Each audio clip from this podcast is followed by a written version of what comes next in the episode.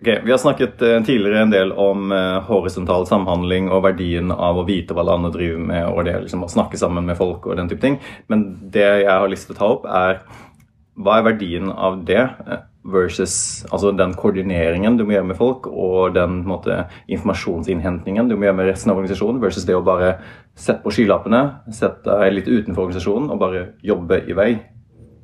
Er ikke det liksom Da får jeg gjort noe versus nå får jeg snakke med masse folk. Det, liksom, hører, altså praksis, det høres rart ut, men i praksis er det egentlig to forskjellige ting. Enten skal du fylle kalenderen din med å koordinere og finne ut hva er det naboteamene mine driver med, eller så kan du fylle kalenderen din med å blokkere ut tid. Nå får jeg jobbe med produktet og løsningen. Og så kan det godt hende at jeg ved tilfeldighet jobber med noe som noen andre har jobbet med før, men tiden jeg har spart inn på det, og ikke prøve å finne ut av hva de gjør, er ganske sånn eh, Jeg tror den på en måte jeg tror den eh, kostnaden går opp i opp, da. Det, det blir ikke litt svart-hvitt? Ja, det kan godt hende. Fordi at eh, Jeg er helt enig med deg at eh, det å bare bruke dagen sin på å prøve å koordinere med alt og alle er veldig ineffektivt. Så man må jo Man kan liksom ikke ta inn over seg alt som alle andre gjør og tenker til enhver tid. Mm. Men det blir litt sånn typisk konsulentsvar, da. Men It depends. Kom, ja, it depends. Men det gjør jo det. Fordi hvis du f.eks. er i en bransje, hvis du er en veldig traus organisasjon og bare kjenner at vi har behov for å tenke helt nytt, så vil det kanskje være nyttig å sette ut et team som bare får jobbe helt fritt, og helst ikke skal ha noe kontakt med andre, fordi at man ikke skal bli dratt inn i liksom sånn Sånn har vi alltid gjort det.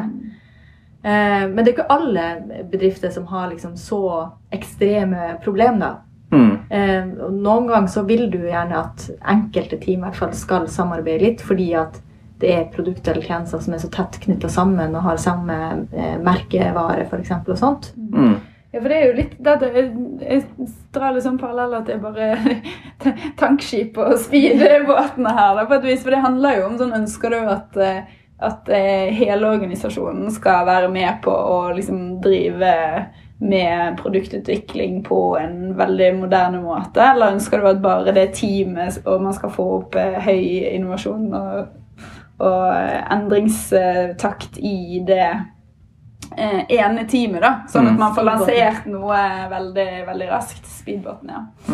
Men uh, mine fag når jeg på en måte jobber med et produkt og finner ut at en- en liten del av dette produktet er, det, det har noen andre gjort før. Eh, og da går jeg i organisasjonen og liksom finner ut hvem var det som jobber med dette før. Fordi tidslinjen passer aldri. Det er aldri sånn at to teams som jobber med noe utvikling samtidig, finner ut at de må løse akkurat samme problem samtidig. Det er nesten aldri det skjer. Det er noen andre som har gjort det før. Det er det som skjer da. Eller noen andre har det på planen i fremtiden. Tidslinjen passer aldri. Så la oss si at du finner ut at noen andre har gjort dette før, og så begynner du å spore tilbake i stryken, som du bruker ganske mye tid på. Finne ut hvem det er som har gjort det, finne ut hvorfor de gjorde det sånn. Og så finner du at men det appliseres ikke til meg likevel, fordi det var andre forutsetninger. Markedet var annerledes, det var annen teknologi, det var andre folk som gjør det. Så alltid så ender vi opp med den, alltid ender opp med den konklusjonen da, om at de har gjort noe lignende før. Det passer ikke for meg, jeg gjør dette uansett. Kunne jeg ikke egentlig bare ha satt på skylappene og bare Fuck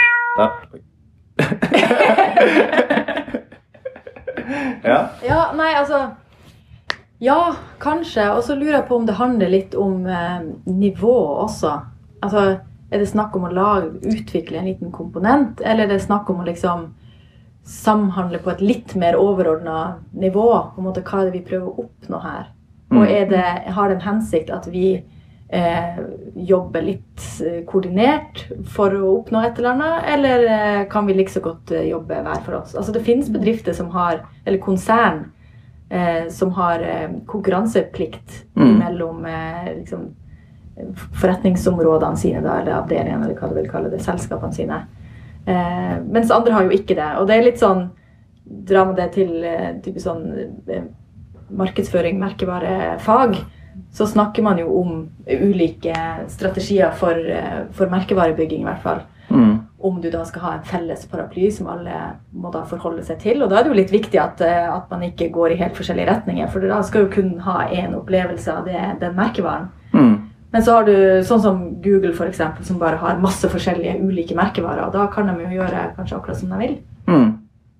Alfabet. Men ja. Ja, okay. Men Sorry. det finnes jo det finnes selskaper som driver med eh, bevisst, da, sånn som Google, da, bevisst lanserer eh, flere produkter som løser samme problem, for å se hvilket produkt som overlever. Og det finnes jo selskaper som gjør det bevisst internt. Sånn som eh, jeg tror det var Apple, som eh, bevisst starter to team på å løse samme problem, og det teamet som løser det best, er de teamene som får gå ut i, gå ut i markedet. Det har vært en kul måte å tenke på. da. Det Det er er jo- utrolig dyrt, da. Ja, det er vel kanskje det som er flipsiden med det, da. Men, men det kan jo være altså det kan jo godt være at det vil eh, gi resultater i form av bedre inntjening på sikt, da. Ja. Og jeg tror at det kan være mellomting. Altså, eh, det vil være få selskap som kanskje har mulighet til å gjøre det på alle produkter og alle områder de jobber på til enhver tid. Mm. For du vil ha, trenge veldig mange team.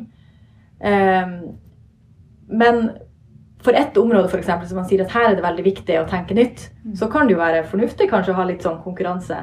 Er ikke den Mm. hackathon og sånn? Det er jo mange som arrangerer. Da setter man ofte mange team til å løse samme problem. Ja, i en dag. På en dag, da. Ikke sant? Som er.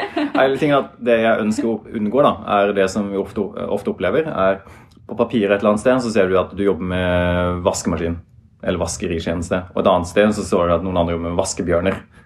De har samme ord i begynnelsen. Dermed må dere samarbeide. Det er bare liksom, Jeg ønsker å unngå den prosessen der, og den måte, holdningen der.